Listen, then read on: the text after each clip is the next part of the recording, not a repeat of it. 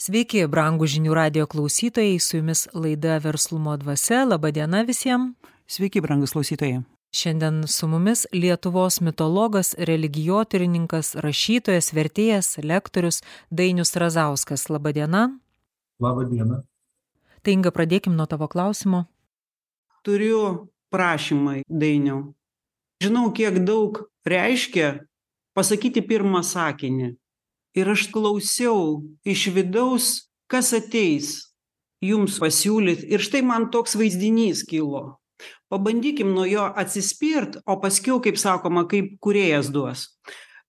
Net nežinau, prieš kiek metų buvo toks Ridlio Skoto filmas pastatytas - Gladiatorius. Gal jūs jį ir matėte? Galimas daiktas pavadinimas labai matytas. Mūsų eros 180 metai, Cezaris Markas Aurelijus. Ir štai rodo tokį epizodą, kaip jį į mūšio lauką atvažiuoja aplankyti sunus ir duktė. Ir jis sako savo dukrai, pamirškim politiką ir apsimeskim, kad tu esi mylinti duktė, o aš geras tėvas. Ir tada duktė sako, kaip tai yra malonu tą akimirką.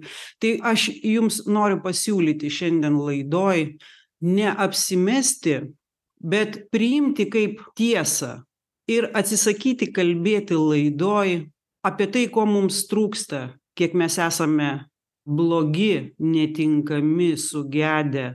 Ir pamatyti iš to, ką mes turime, ką mes galime, kiek mes jaučiame, kiek mes mintyjame, kiek mes sugebame atsisakyti, kas iš to gali išaukti. Pamatyti tai, kad mes turim tokias galimybės. Kažką išgirdau iš karto iš jūsų kalbos, tokius vaizdinius. Pradžioj apsimesti, tai suprantu, kad šiuo atveju turimas omeny netikras buvimas, tam tikras vaidinimas kažko, kas nesitokia psichologinė prasme, bet pats pagrindas vaizdinio apsimesti, reiškia, yra tarsi apsiaustą arba antklodę, paklodę, kažką ant savęs. Esi tu viduje lieki, o ant savęs kažką kitą apsimeti, kaukę galima užsidėti. O jūs siūlote toliau ne apsimesti, o nusimesti, nusijimti. Ne?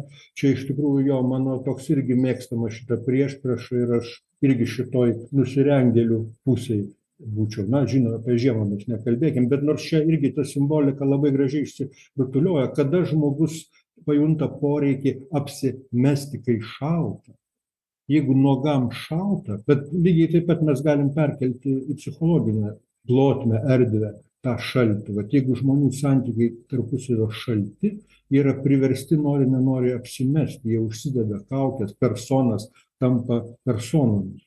O jeigu žmonių tarpusavio santykiai šilti, kaip vasara, palyginimai, tai tai, kas buvo apsimesta, tampa nereikalinga, po jo tik šunta, prakaituoja, žmonės nusirengia, nusimeta, jie linkia yra nusimesti kaip ir metų laikai, reiškia, gali būti mūsų tarpusavio santykių nuo visuomenės, Lietuvos, žiema, kada taip šalta tarp žmonių, kad visi yra priversti apsimetę būti, tiesiog kitaip sušalta, apsirengę apvalkalais, net keliais sluoksniais. Ir taip norisi, taip ilgu yra tos šilumos, o mes mūsų amžiaus žmonės esam ją patyrę kaip stebuklą, neapsakomą visada žinai, kas yra ta šiluma ir kada taip mielai pasisakstai tas visas personas ir jas nusimeti. Yra netgi tokia viltis galbūt, kad net jeigu aš nusirengsiu žiemą ir išmoksiu būti nuogas žiemą, nesušalti, tai gal net atšils tada ir bus vasara.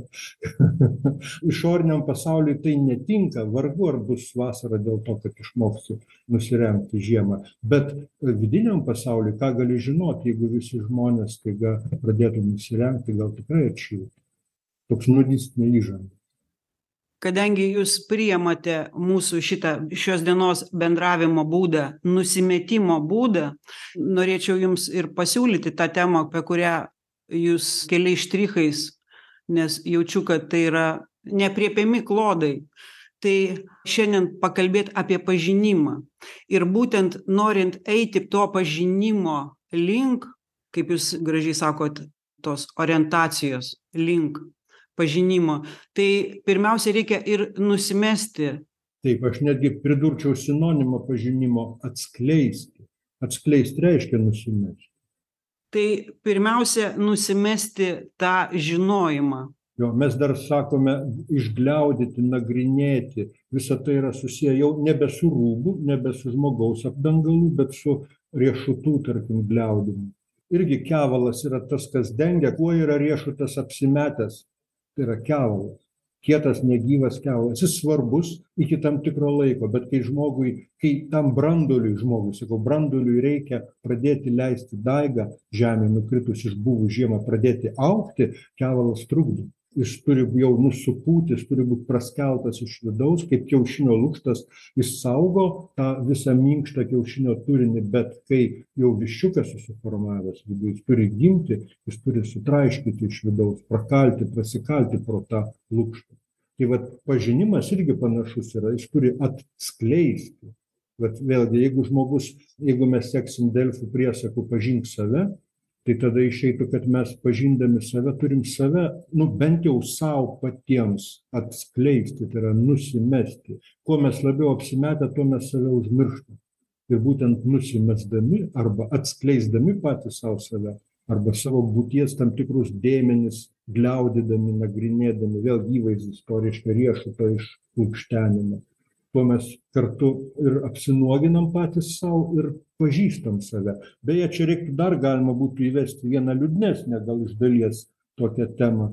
Tai yra kad mirtis yra apsinuoginimas pagal daugelio tradicijų įvaizdį tarkim vienas iš seniausių tokių įvaizdžių yra kaip senovės šumerų ištar deivė ir atitinkama babiloniečių yra inana jinai ėjo pas savo seserį mirusiųjų deivę na kaip sakykim giltinę tokią į požemių pasaulį.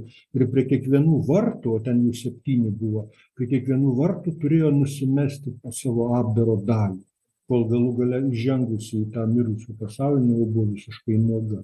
Tas įvaizdis daugely tradicijų įvairiais atžvilgiais yra toks.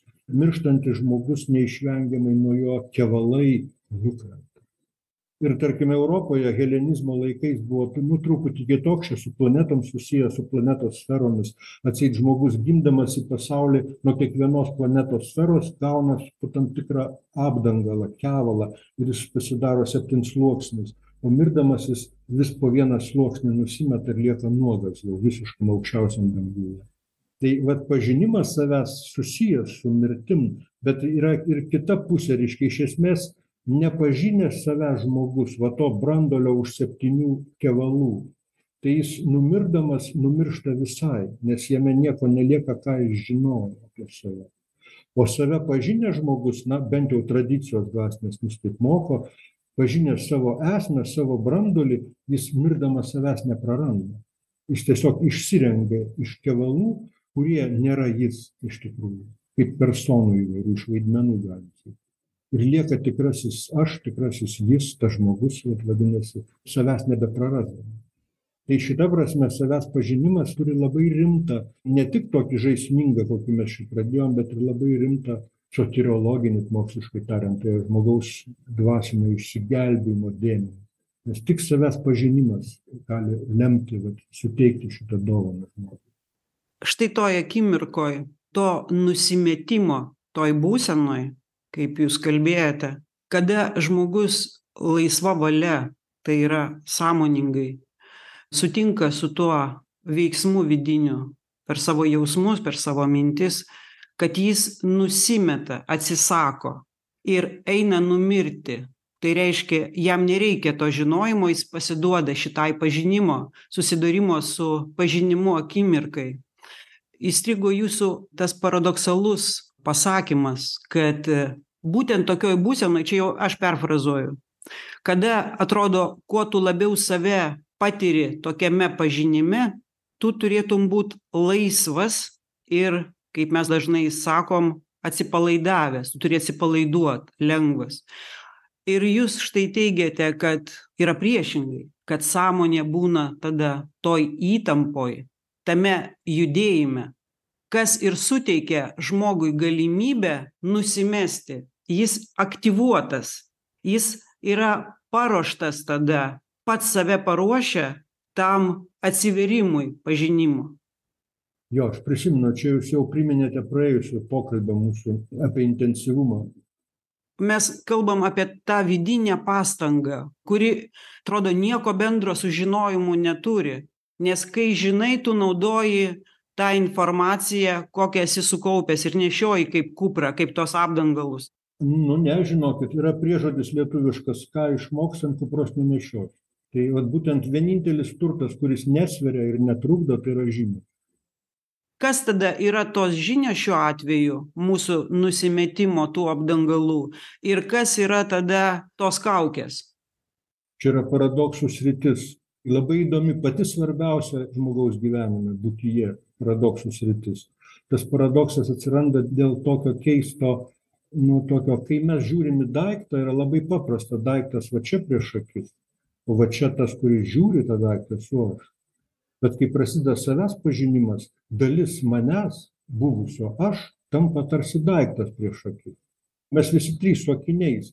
Jeigu mes žiūrim pro akinius ir tiesą sakant mes juk akinius dėvime tam kad geriau matytumėm daiktus ne tam kad akinius matytume. Atvirkščiai jeigu jau akiniai tiek užtrūnija kad jau vien tik akinius tematai o per juos nesimato daiktų vadinasi reikia valyti juos. Tai akinių paskirtis yra kad jų nesimatytų. Akinių paskirtis yra kad geriau matytųsi daiktai.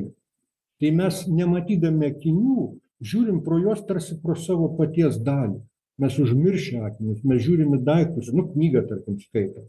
Bet aš su akiniais skaitau knygą visiškai užmiršęs akinius man nereikia jų prisimint jie ne tam kad aš juos prisiminčiau. Bet kai kalba apie savęs pažinimą pasisuka aš tarsi pritraukiu akis arčiau jau man nebesvarbu tai kas į ką aš ką tik žiūrėjau o aš žiūriu pro ką aš žiūriu. Ir pastebiu kad man ant akių yra akiniai. Įsivaizduokit kad akiniai pavyzdžiui spalvoti raudoni mėlyni visokie žali akiniai padėvėjęs kurį laiką tamsius akinius gali užmiršti kad esi su akiniais ir jiems smuktelėjus o net plyksteli akyse o pasirodo viskas kitaip pasirodo daug šviesiau yra negu man atrodė nes aš buvau įpratęs prie tamsių akinių. Tai su savęs pažinimu yra kažkas panašaus. Tam tikra dalis atšoksta pro kurią aš žiūrėjau jos nematydamas ir visą pasaulį mačiau žalią mėlyną arba raudoną priklausomai nuo to kokios spalvos tie akiniai buvo. Ir staiga krestelėjus arba nusiėmęs aš pamatau prieš akis kad aš turiu prieš akis akinius. Ir tą akimirką kai aš pamatau kad aš žiūriu pro spalvotus akinius pasaulis pasirodo kitoks negu buvo. Pasirodo kad aš pats ant to pasaulio tepiau save. Nu vadinkim projekcija spalvoti akiniai primeta pasauliui savo spalvą lygiai taip pat žmogus žiūrėdamas į pasaulį neišvengiamai per save per savo charakterį būdą nuotaiką jausmus maža ką viską. Jis mato pasaulį nuspalvintą tam tikru savo paties atspalviu ir pažindamas save jis viena vertus pradeda matyt pasaulį objektyvesnį tokį koks jis yra iš tikrųjų. O kita vertus pradeda atpažint nu arba iš kito galo pirma pradeda atpažint save kad štai žiūrėkit vat šitoj vietoj aš toks liūdnas va čia melancholija čia linksmybė čia va tokios mano savybės čia išvis geriau nekalbėt nerodyt nes siaubas gėda net pasakyt. Ir vat visa tai uždeda antspaudą pasauliui kuriame aš gyvenu kurį aš matau. Tad save pažindamas žmogus kartu pradeda matyt pasaulį objektyvesnį. Čia mūsų pavyzdys supaprastintas jūs įsivaizduokit kad ne vieni akiniai o šešiasdešim aštuoni tūkstančiai akinių nu vėlgi čia gal perdėta. Nu bet jų gali būt septyni devyni. Visi skirtingos spalvos skirting gal vieni įgaubti kiti išgaubti vieni sudužę dar kažkokie. Ir štai atpažindamas save sluoksnis po sluoksnio aš viena vertus pamatau savyje kažką nebūtinai malonaus ir tą pačią akimirką aš suprantu kad pasauliui tai nepriklausė kad tam pasauly kuris buvo pragaras arba rojus tai ne pasaulio savybė tai akinių savybė kuri primeta. Reiškia aš savy nešiojuos pragarą ir per jį žiūrėdamas kaip per akinius matau pasaulį pragarą. Tai negana to aš elgiuosi kaip pragare nes šitaip suvokiu. Ir elgdamasis kaip pragare aš jį gaminu toliau skleidžiu aplink save pažindamas save aš pastebiu kad pragaras yra manyje. Tą akimirką man dėl to nelengviau bet nuo pasaulio jis atšoka. Ir aš turiu galimybę jau matyt pasaulį nebe kaip pragarą suprasdamas kad pragarą tai aš jam primetu. Ir jau turiu galimybę nesielgti pasaulyje kaip pragare vadinasi nebedauginti nebeskleisti. Tai savęs pažinimas yra ne tik mūsų pačių soteriologinis kryptis dėmuo galimybė viltis, bet ir pasaulio nuraminimo, pasaulio nuaistrinimo, įtampų, nu, Taip sakant, pasaulio perkelimo iš pragaro į rojų būdas, vienintelis iš esmės. Žudbūtiniai dalykai, tai žmonės matydami pasaulį kaip pragarą, jie kelia ginklą, jie puola kitą, jų pradeda kraujas lietis. Jeigu žmogus būtų atpažinęs savyje tą savo tamsą, tą įdą, gal jam net nebūtų reikėję to ginklo kelti. Jis būtų vidinį savo priešą įveikęs. Mes priejom prie tokio momento, kada mes matome du dalykus. Aišku daug mes jų matome bet aš tolesniam klausimui. Mes sustojom ties matymu objekto ties pasaulio matymu. Ir kitas dalykas žiūrėjimu. Mes žiūrime. Ir kiek jie susipynę kiek jie persipynę ir kada mes visi siekiame visais įmanomais būdais griebti tai ką mes matom matyti kuo daugiau matyti. Ir praktiškai jau teigiu. Beveik pavartojote vieną iš įdomių labai irgi metaforų ryti akimis. Griebti ir matyti ar ne? Taip. Ir tai labai dažnai būna prievartinis veiksmas. Ir beveik nesirūpinam sakau drąsiai kad nesirūpinam tuo žiūrėjimu kaip mes žiūrime kuo paremta kaip kuo pagrįstas kaip skleidžiasi tas mūsų žiūrėjim kiek mes atsakingi už jį kiek mūsų sąmonė yra įkaitusi tame žiūrėjimo momente. Ir kas dabar lemia to pasaulio pamatymą suvalgymą? Nu jo man taip kilo toks vaizdinys reiškia apie jūs apie žiūrėjimo kokybę apie žiūrėjimo nu iškėlėt patį klausimą pačiam žiūrėjimui tai man taip iš karto vat kalbant apie mūsų tą įvaizdį prieš tai akinių įvaizdį akinius reiškia kol aš žiūriu pro akinius į kažką kitą tie akiniai tarsi priklauso mano vidui tarsi mano vidinio pasaulio dalis. O kai aš jau nusiimu akinius ir juos pastebiu jau kaip daiktą į juos pačius žiūriu tai jie atsiduria išoriniame pasaulyje jie yra yra jau išorinio pasaulio daiktas jeigu mes tą metaforą tokią toliau tęstumėm kad kaip savęs pažinimas vienus sakinius po kitų kaip vieną luobą po kito nusiimi nusiimi vis atpažindamas kad tai ne tu o tai kažkoks lyg ekranas filtras lyg akiniai ant tavęs pro kurį tu žiūri į pasaulį. Tada gali ištikti labai esminis klausimas kilti netrukus gali kilti. Kas iš tikrųjų žiūri? Jeigu aš savyje atpažįstu vis vienus sakinius antrus sakinius trečius sakinius jau galiu numanyt kad atrasiu ketvirtus penktus šeštus kiek tų akinių aš atrasiu. Kas už visų visų akinių kad ir kiek jų gali būti kas žiūri? Čia labai įdomus klausimas dėl to kad mes niekada jo nerasim nes niekada jo nepažinsime. Kodėl? Dėl to kad pažinti reiškia atsukti akis į. Bet kai mes atsuksime akis į tai jau jis žiūrės pro mus o ne mes į jį mes į ką tik nori galime pažvelgti išskyrus patį regėjimo suvokimo šaltinį. Mes esame ant jo pamauti jis sudaro pačią mūsų esmę bet mes negalime pagal apibrėžimą jo pamatyti nes jis yra tas kuris mato o ne tas kuris mato. Esama nuomonės jog tai dievas kuris pro mus visus kaip pro skylutes žiūri įsivaizduokite kad dangus vat paklodė toks arba dangtis ir prabadyta skylučių kiekviena žvaigždė yra skylutė pro kurią dievo šviesa sklinda. Lygiai taip pat vat mes kiekvienas esame kaip ta žvaigždė kaip ta skylutė šio pasaulio paklodėje viena mažytė dėl to kad labai daug visokių apvalkalų ant jos beveik net nesimato šviesos. Ir kuo daugiau nuo savęs nusiimi apvalkalų tuo ryškesnė anapusinė šviesa nu ta šviesa tai yra tas regėjimas vėlgi šviesa regėjimas irgi tarp kitko sukeičiami dalykai kaip žvilgsnis ir žvilgėti yra tos pačios šaknies žodis. Šviesa šiuo atveju yra to sąmoningumo to regėjimo to suvokimo dar vienas įvaizdis.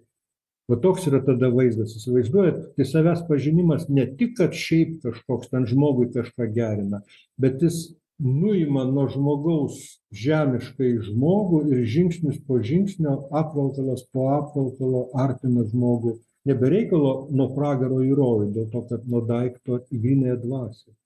Ir galų gale kuris taip ir liks nepažintas dėl mūsų jau aptartų priežasčių yra tas apie kurį upanišados sako tat tu esi. Beveik lietuviškai ten sakoma tat tvam asi sanskrito kalba, o lietuviškai tai reiškia, kad tu esi. Bet tai yra tikrasis žmogaus brandolys, tikrasis va tas prisikėlimo grūdas. Tai kada, kokiu momentu, kaip jums atrodo, tas klausimas iškyla, kiek intensyvi turi būti mūsų sąmonė, kad e, kiltų klausimas, kas žiūri. Matot, klausimas kyla tada, kai žmogus pasijunta labai labai nejaukiai, staiga supratęs, kad tas, kuris yra jis, yra ne aš. Čia vos čia šitas jausmas, šiaip viena vertus jis yra absoliučiai normalus. Tai yra visiškai normalus jausmas, nes atitinka tikrovę. Žmogus nėra vienas toks gatavas, kaip vat, sukalkėjęs kažkoks kalkės gabalas, kaip akmuo, kaip grumstas. Žmogus yra daugias sluoksnis, daugialypis. Jame labai daug yra tiek gilaus aukšto, tiek žemo ir pigaus. Nu, vad duotų man dabar kastuvą, lieptų kas griovį. Ir tu kasi griovį, kasi griovį su ta apranga, su ta reiškia uniforma kareiviškas svetimos valstybės, svetimais antpečiais. Ir tu kasdama šitaip gyvendamas aiškiai suvoki kad tai nesi tu kad tu esi visai kažkas kita. Tu esi priverstas dėl tam tikrų aplinkybių vat paklusti tam taip elgiesi bet tai nesi tu. Gali būt pavyzdys moterį vaikosi tarkim jis apalpęs apsalęs reiškia nuo tos moters negali jis viską dėl jos daro ir paskui ją bėgioja ją tarnauja o viduj naktį pabunda ir žino kad čia ne aš. Nu lygiai taip pat gali moteris vyrą čia tarkim. Vat kažkas žmoguje staiga užvaldo žmogų. Baimė jausmas godumas ir jeigu žmogus pradeda jam tarnauti aš nesakau kad vien tai kad pajunta žmogus godumą ar baimę jau čia kažkas visi mes dalykus tuos pajuntam. Bet jeigu užvaldo žmogų ir nebeleidžia jam būti pačiam o paverčia jį tarnu tai tas žmogus toje tarnyboje nuolat jaučiasi viduje kad jis yra ne jis tikras žinoma yra pavojus bet kuo toliau kuo ilgiau ir giliau įsivergaujant tuo labiau užmiršti kad tai esi ne tu ir tada galų gale iš žmogaus lieka tik beveik nu mažas mažas iš tos didelės žvaigždės iš saulės kuri pro jį švietė kažkada. Mažas jonvabalis ir jis pavirsta vabalu beveik net nebe žmogum. Tai tas jausmas kad nesu tikras aš šiaip yra žmogiškumo sąlyga. Žmogus šiame pasaulyje dvasiniu požiūriu būtinai turi jaustis ne visiškai vietoj tai reiškia ne kad pasaulis blogas tai reiškia kad jis ne visai galutinai tas jau tikrasis aš. Jis ir negali būt visai galutinai tas tikrasis nes tas tikrasis kai stos tai liks tik šviesa ir nieko daugiau. Čia yra savotiškas nu vadinamojo gnosticizmo toks modelis. Žmogus pradeda jaustis pasaulyje kaip tremtyje kaip kalėjime vien dėl to kad jis nesijaučia tikrasis sau pats tikras aš. Bet teisingas santykis su šituo jausmu yra būtent pradėti pažinti pažinti pirmiausia tą kuo tu jautiesi nesąs savyje.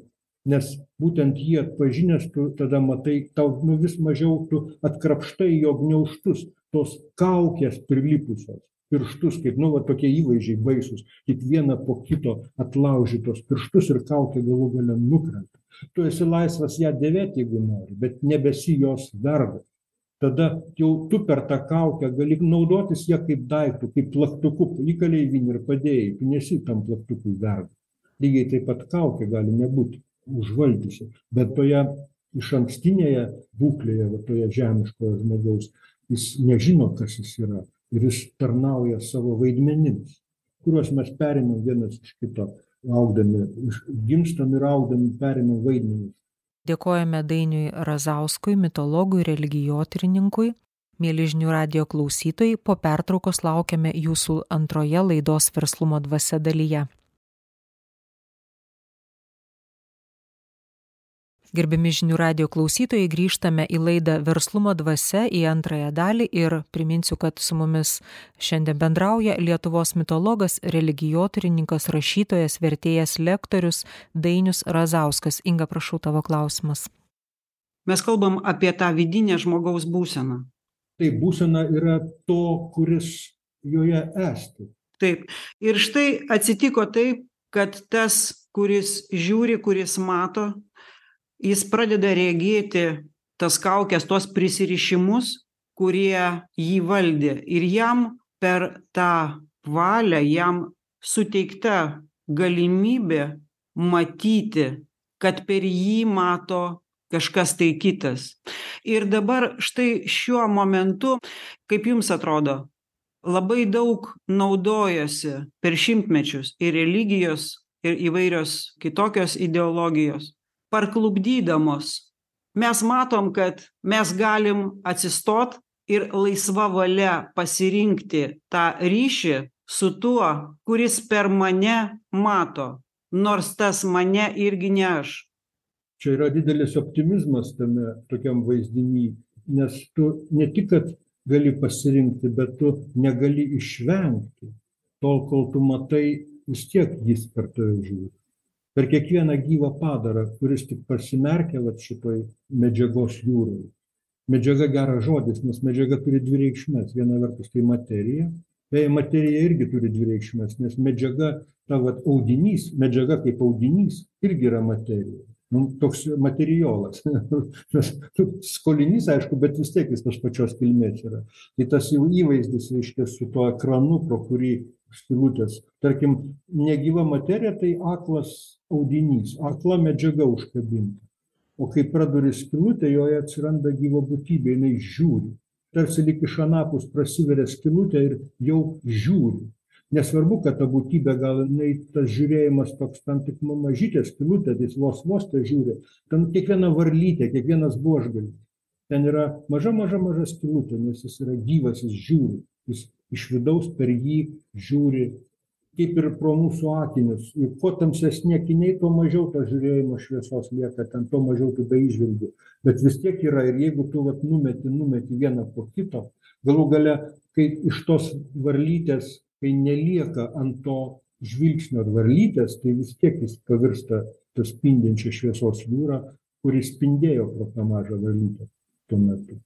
Čia jos teisingai sakote, ta valia pasirinkti lemia žmogaus likimą, bet to galutinio žvilgsnio, galutinio suvokėjo, suvokimo kaip tokio likimo niekas nelemia, jis yra mūsų neklausia. Čia tas pats įvaizdis, kitas įvaizdis būtų dar kaip sapnas, tarkim, vienas žmogus guli lovoje ir sapnuoja, o kitas žmogus vaikšto jo sapne ir ten kažkas vyksta, ten kažkas ten darosi, tai jis irgi yra aš.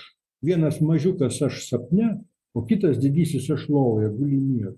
Tai tas mažas sapne, kad ir kas su juo atsitiktų, jis neturi kitos jokios išeities, jis kaip tik atsidurti ir sutapti su to, kas jį sapnuoja, anksčiau ir vėliau tai šito pasirinkimo kito nėra bet jeigu jis sapne pradės suvokti kad iš tikrųjų jis yra ne tas va čia kuris vaikšto bėgioja visų šitų sapno jėgų blaškomas į kairę į dešinę. O iš tikrųjų jis kad čia aplink jį yra sapnas o iš tikrųjų jis guli lovoje ir miega. Tai pirmiausia jis nusiramins nes pasirodys kad ne taip jau čia svarbu kas su juo dedasi nes vis tiek sapnas. Ir dėl to kad kas su juo beatsitiktų kai tik nubus jis iškart atsibus taps tas kuris jį sapnavo. Čia kaip su tuo žvilgsniu. Tas tikrasis suvokimas yra kaip tas kuris užmigęs sapnuoja o va tas vabaliukas arba žmogus su tais visais savo apvalkalais yra kaip tas kuris sapnuojamas sapne. Visi tie akiniai ir sukuria sapną. Kai tik tu nusiimi nuo tikrovės vienus sakinius po kitų nu jų gal daug labai yra bet vis dėlto. Galų gale visai be jokių akinių lieka tiktais tas kuris sapnavo jis nubunda ir supranta o sapnavau nieko kaip nebūtų ir tada tas kuris save pažino jis staiga grįžta į save ir kaip iš sapno nubusdamas o dabar esu aš. Nes prieš tai buvau nelabai. O tas kuris savęs nepažino jis save praranda kadangi jis nežinojo kas jis yra. Tas kuris buvo pačiam vidury jam nieko neatsitiko. Jis nubudo iš savo sapno ir juokėsi. Bet tam kuris buvo sapnuojamas kartu su sapnu yra pabaiga šiaip čia viskas labai paprastas įvaizdis. Nu vat su akiniais irgi galima šitaip įsivaizduot su tuo žvilgsniu. Gal be reikalo aš tą sapną čia įtraukiau. Nors gal ir aiškiau šiek tiek. Kaip jums atrodo kas šitą lengvumo ir tuo pačiu štai paradoks intensyvumo būseną treniruoja many kad aš būčiau laisvas atsisukti savo akimis į vidų ir žiūrėti į tą o čia irgi gražus įvaizdis tarp kitko ar jūs dabar sugalvojote bet jis yra labai senas archajiškas tradicinis įvaizdis apversti akis vidun dabar neprisimenu tekstų, bet senovės Indijoje tikrai jis yra būdingas, nekartą vartoja. Būtent apversti akis vidun, bet jūs pavartojat labai. Tai reiškia, iš esmės ta tradicija senoji irgi, kai tik pradedi kalbėti, galvoti apie tos dalykus, jinai gimsta prieš akis, jinai niekur nepradingsta. Jinai dingsta tik tada, kai mes nusigrėžime. O gal čia tiesiog yra dėsnis, kaip danguje, taip ir žemėje? Taip. Tai jūs iš patirties, kaip matot, mes priejome prie šito vidinio veiksmo, prie to valingo veiksmo, to intensyvaus sąmoningumo veiksmo, kada aš atsuku savo akis, atgrėžiu į vidų ir susiduriu su tuo, kuris žiūri. Kiek tai turi būti ir kiek tos treniruotės, čia žinot, kaip nuolatinis kalbimas, kad tas žiūrėjimas, kiek jis yra vertybinis ir kur tas lypi vertė. Žinoma kai susidursite su tuo kuris žiūri tai jo prieš akis nebebus. Jis jau bus jumyse tas kuris žiūri pro jus bet iš nepasitenkinimo tuo kas esi o jis kyla iš to kad tavo viduriai sukasi tu žinai kad esi kažkas kito negu esi priverstas būti.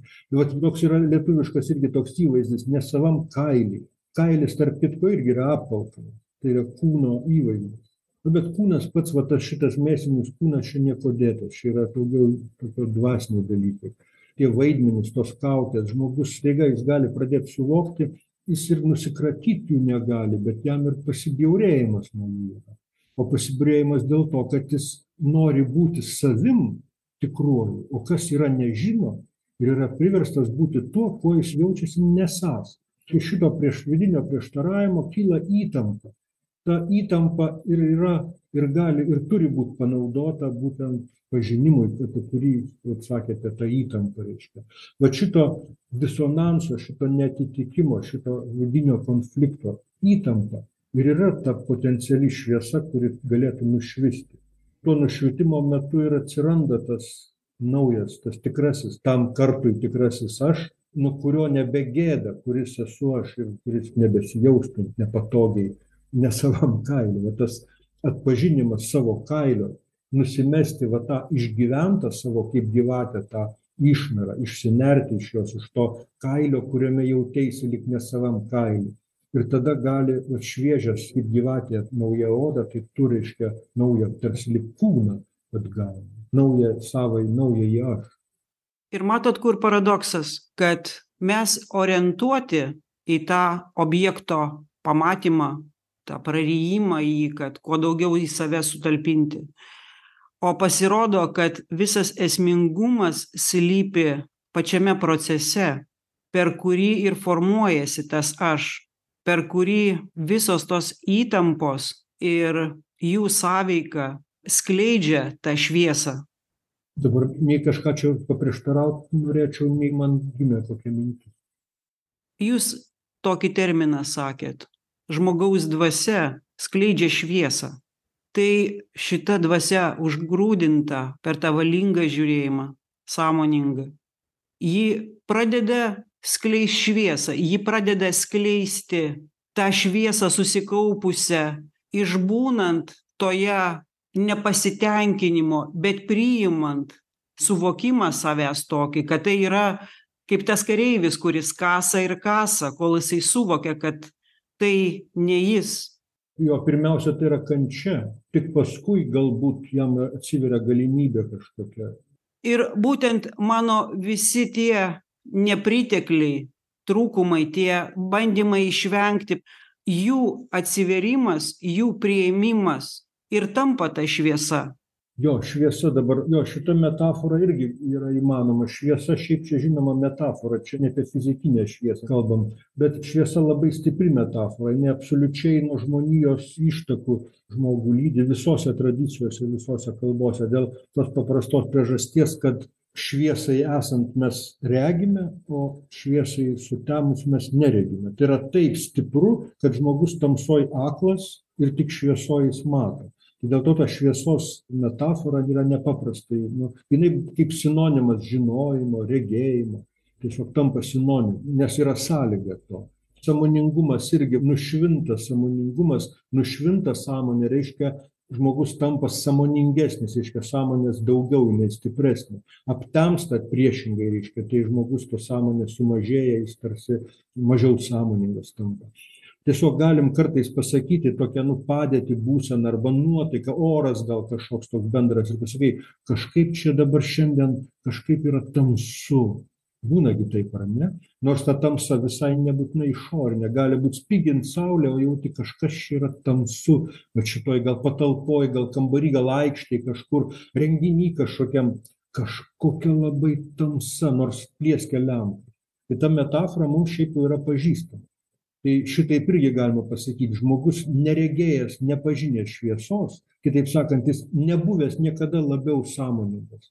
Jis net pažins, jam viskas bus normalu, gerai viskas.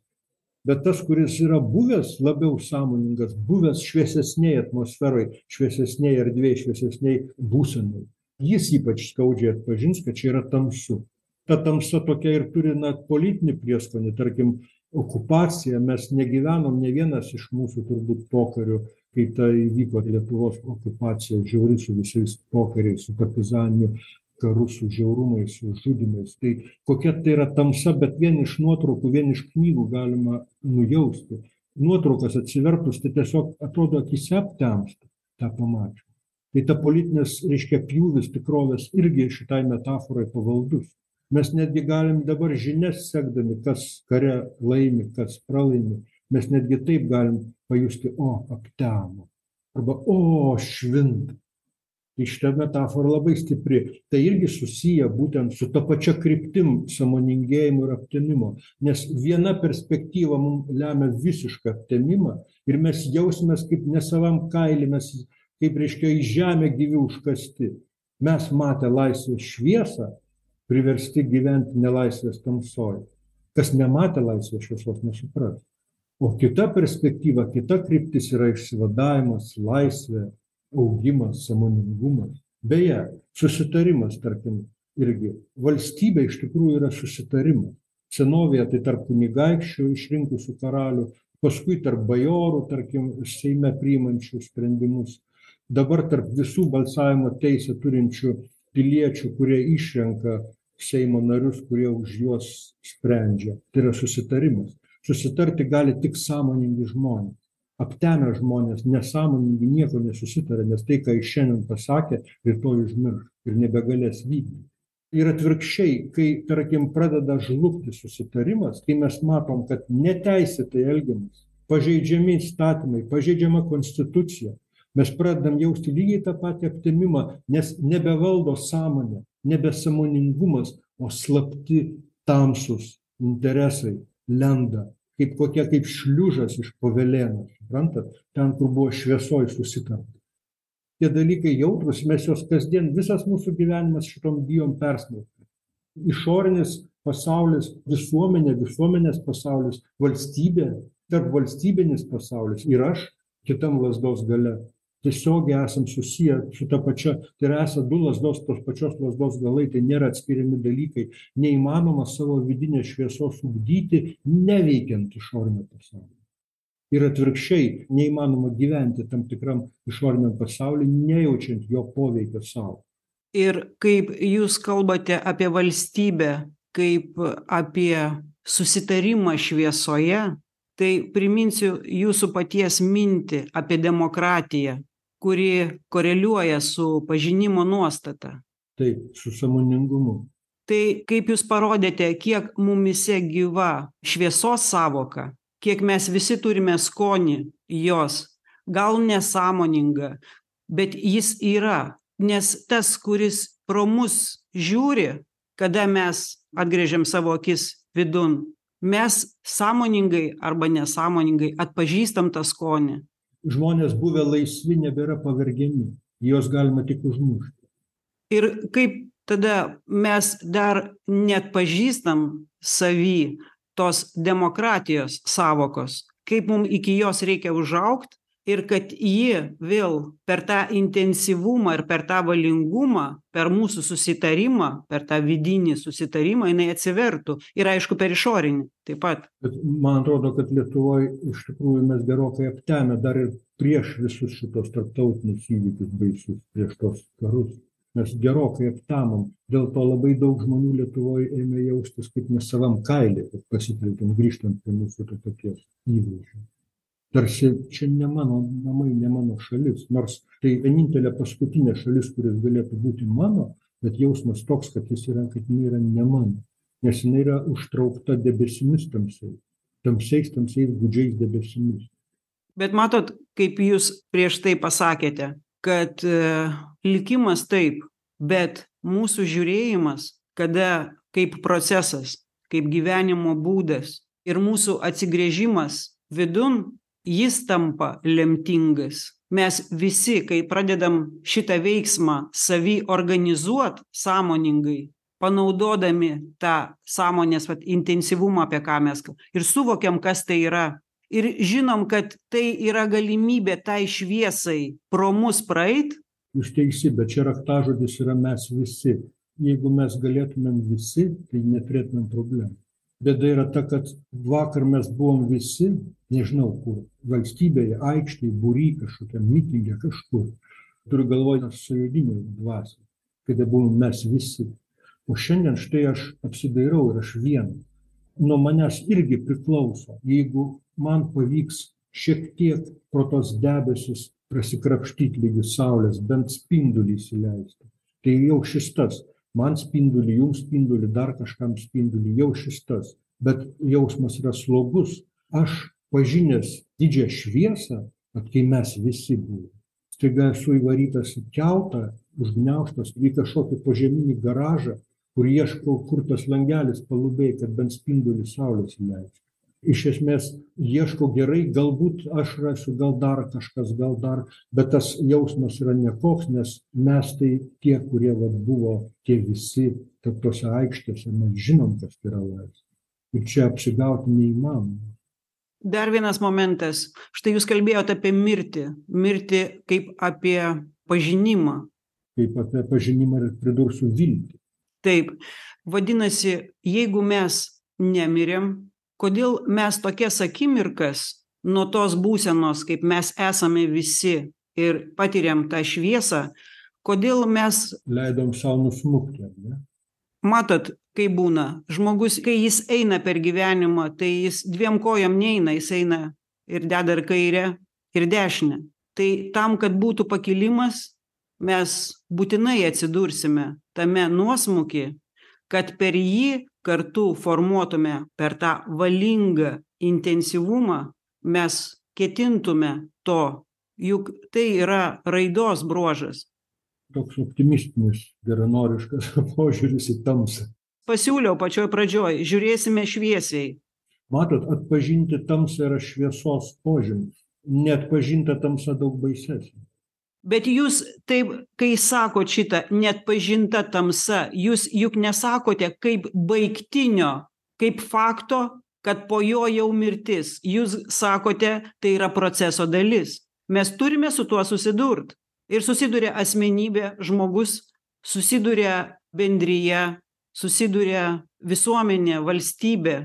Ir ką jie tada daro su tuo nes pagal jūsų mintijimą tai yra dovana gauti tokią būseną nes tu gauni patyrimą tą matymą kad per tave žiūri ir dabar galima padaryt. Jo tas savęs pažinimas na jis yra ką galima sakyt tai ne knyginis savęs pažinimas tai labai praktinis labai praktiškas užsiėmimas. Kažkur skaičiau apie tai kad senovės gal indijoj nežinau neprisimenu. Labai norėdavo kokios nu gyvenvietės ar kaimelio gyventojai kad kur nors netoli jų būtų atsiskyrėlis kokioj oloj sėdėtų ir tiesiog medituotų. Neštų ten jam maistą išlaikytų kad tik jis būtų šalia. Klausimas kodėl koks skirtumas sėdi kas nors ten kažkur? Va čia gyvenimas verda tu eini į laukus ten dirbi derlių nuimi augini vaikus čia va čia gyvenimas verda. Čia mes renkamės tariamės valdžia keičiasi va čia. O ko dėtas tas atsiskyrėlis? O tas kad jis užsiima savęs pažinimu ir krapšto nuo savęs akinius ir jeigu jis supras kad sapnuoja o mes gi esam jo sapno dalis tada tai mes visi nušvisime kartu su juo kitaip sakant šviesos laipsniui palaikyti aplinkoje reikia kad bent kažkas bent kažkiek nieko neveiktų kabutėse, jis sėdėtų sukryžiavęs kojas ir žiūrėtų, kaip jūs sakote, apvertęs akis į save. Nes nuo to keičiasi visos terpės kokybė, nejučia. Kadangi visi mes esame vienoje erdvėje, jeigu pasakytumėm viename sapne, jau iškart paaiškėtų, apie ką kalba ir kodėl. Jeigu vienam iš sapnuojamųjų pradeda aiškėti, kad jis yra tas pats su tuo, kuris sapnuoja, tai viso sapno kokybė gali keistis nu, vien nuo to, šviesėti tiesiog. Tiesiog šviesėti.